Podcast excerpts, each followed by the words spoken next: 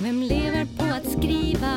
Mia och Sara. Mian Lodalen. Ja, Sara Lövestam. Jag tror jag aldrig har sett dig så här uppspelt. Ja, uppspelt, det, det kan jag då vara, men så här glad, det, det, det, får jag faktiskt erkänna. Det är sällan jag är så här glad. Jag är så otroligt upplivad. Kan inte du berätta varför jag är så här glad? För det vet ju du. För att äntligen kommer våran skrivpodd, Mian och Saras skrivarlya, att sändas ut i etern Ja. som ett guldregn. Och ni har aldrig hört något liknande, det säger ju folk. Men det här är faktiskt sant. Den här podden finns inte. Det finns tusen skrivarpoddar men ingen som den här. Nej, sant. Och lite av det ni kommer få höra är detta.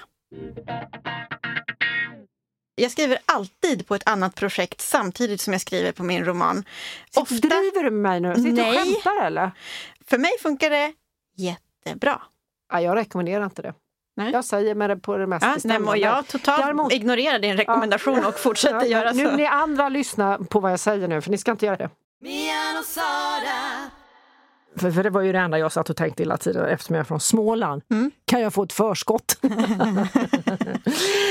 och då säger hon så här, ja det kan du få. Eh, och så tar hon fram en kalkylator och så säger hon, ja du kan få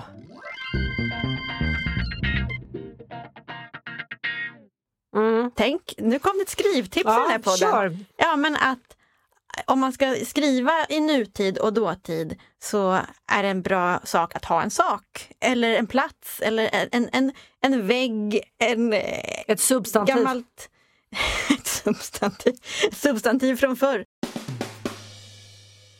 Han var den gamla nazisttypen. Han eh, vevade runt med den där pinnen och slog. Det var lite... I så fall tror jag han roterar i sin grav över vad du än gör. Ja, det skulle jag faktiskt... Nej, han var vegetarian! Mia och Sara. Ja, det här är lite av det ni kommer att få höra i Mian och Saras skrivarlya. Premiär 21 april.